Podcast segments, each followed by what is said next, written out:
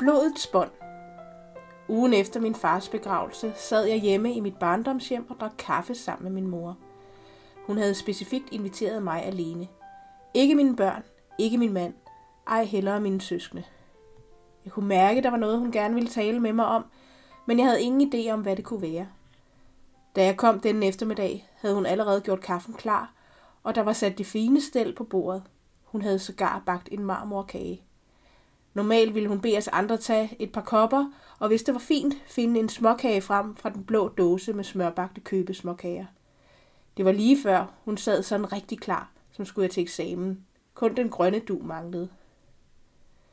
Hvordan er din dag gået, min ven? sagde min mor, og virkede oprigtigt interesseret.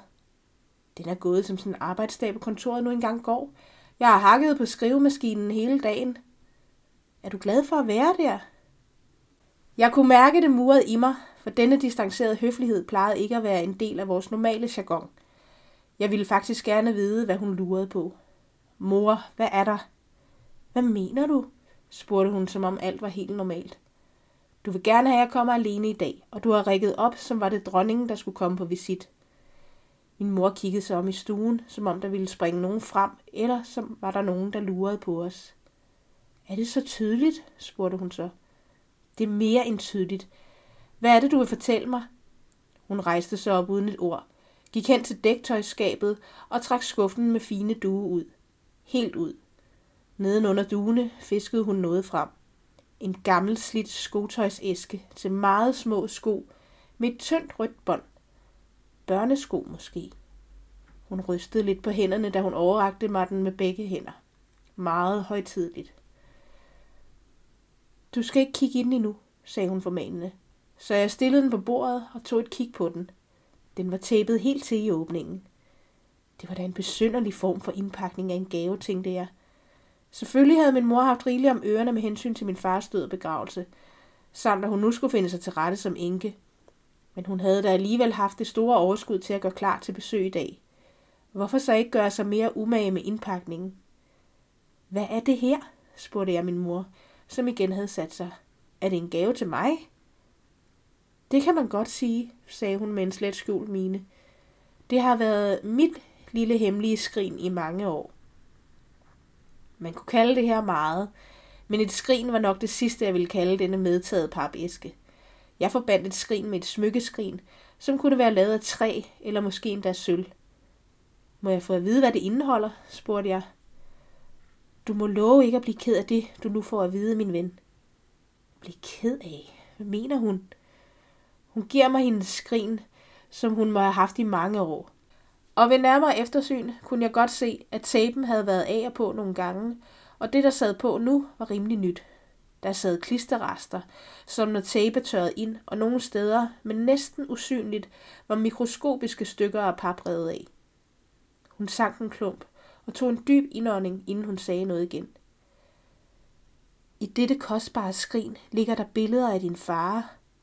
Åh oh, Gud, sagde jeg helt lettet over, det bare var det. Hvorfor er de gemt væk på den måde? Hvorfor sidder de ikke bare i din album? Det er billeder af din biologiske far. Hun kiggede intens på mig for at afkode min reaktion. Hvad? Du har en anden far end dine to små søskende.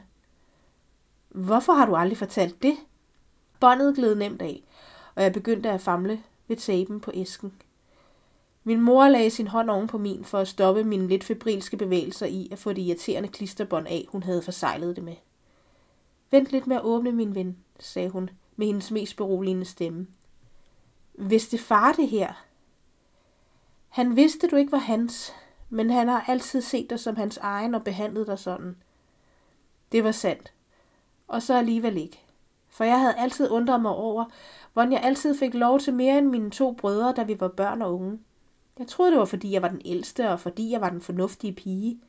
Mine brødre brokkede sig altid, og kunne ikke forstå, at der skulle gøre så stor forskel. Men det blev selvfølgelig udlignet over årene. De sidste mange år mærkede jeg ikke forskellen. Men jeg kom da i tanke om det nu. Mor fortalte, at han ikke var min rigtige far. Hvorfor har I aldrig fortalt mig det? Sagde jeg med en lidt usikkerhed i stemmen. Var far bange for, at jeg skulle få det at vide? Var han bange for, at jeg så ville elske ham mindre? Du må hellere åbne nu, så forstår du måske bedre. Hun nikkede mod æsken og fandt sit irgrønne cigaretitui frem for at tænde en cigaret. Jeg famlede i, hvad det føltes som en evighed med tapen. Da jeg endelig fik løsnet det, så flåede jeg der af, så der røg en lang strimmel pap med. Det gibbede i min mor.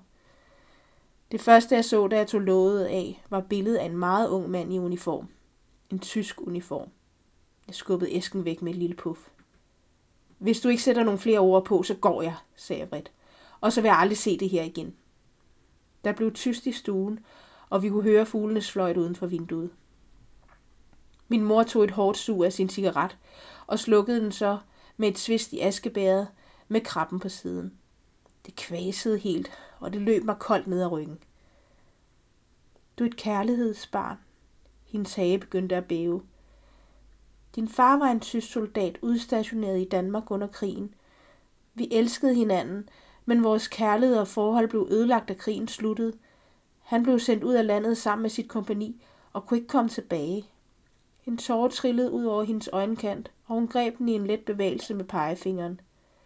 Først en måned efter krigen var slut, opdagede jeg, at jeg var gravid. Jeg sagde ingenting, men stirrede bare på hende. Hun måtte fortælle mere. Alle de ting, hun sagde, lagde op til flere spørgsmål, end hun svarede på. Han fik det aldrig at vide. Jeg forsøgte at sende et brev til ham, men det kom retur. Adressen fandtes ikke mere. Nok fordi alt var bumpet væk i Tyskland. Hun tog et sip af kaffekoppen, inden hun fortsatte. Da du så kom til verden, kunne jeg ikke beholde dig, og du kom på børnehjem. Da jeg så mødte far, og vi havde kendt hinanden et års tid, betroede jeg mig til ham om din eksistens.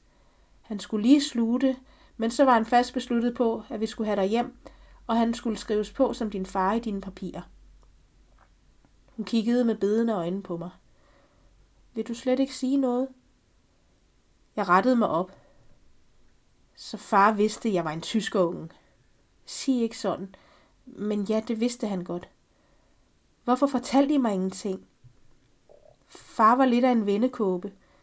Jeg ville gerne have, at du skulle vide det, men hver gang vi var blevet enige om, at nu skulle du have det at vide, så trak han igen. Jeg kunne ikke rigtig tage det ind, som jeg fik fortalt nu. Jeg rystede bare på hovedet og begravede det i hænderne. Mit liv var altså en løgn. Min mor havde været tyskertøs. Jeg var kommet ud af det. Min biologiske far var en gammel nazist. Det hele affødte så mange spørgsmål, og jeg kunne ikke overskue at skulle stille dem alle nu. Det hele skulle have lov at synke ind. Jeg greb ud efter æsken igen, tog billedet op og nærstuderede ansigtet. Var der nogen træk, jeg kunne genkende fra mig selv? Han smilede bare til mig. Tænk sig, at vi delte det samme blodsbånd.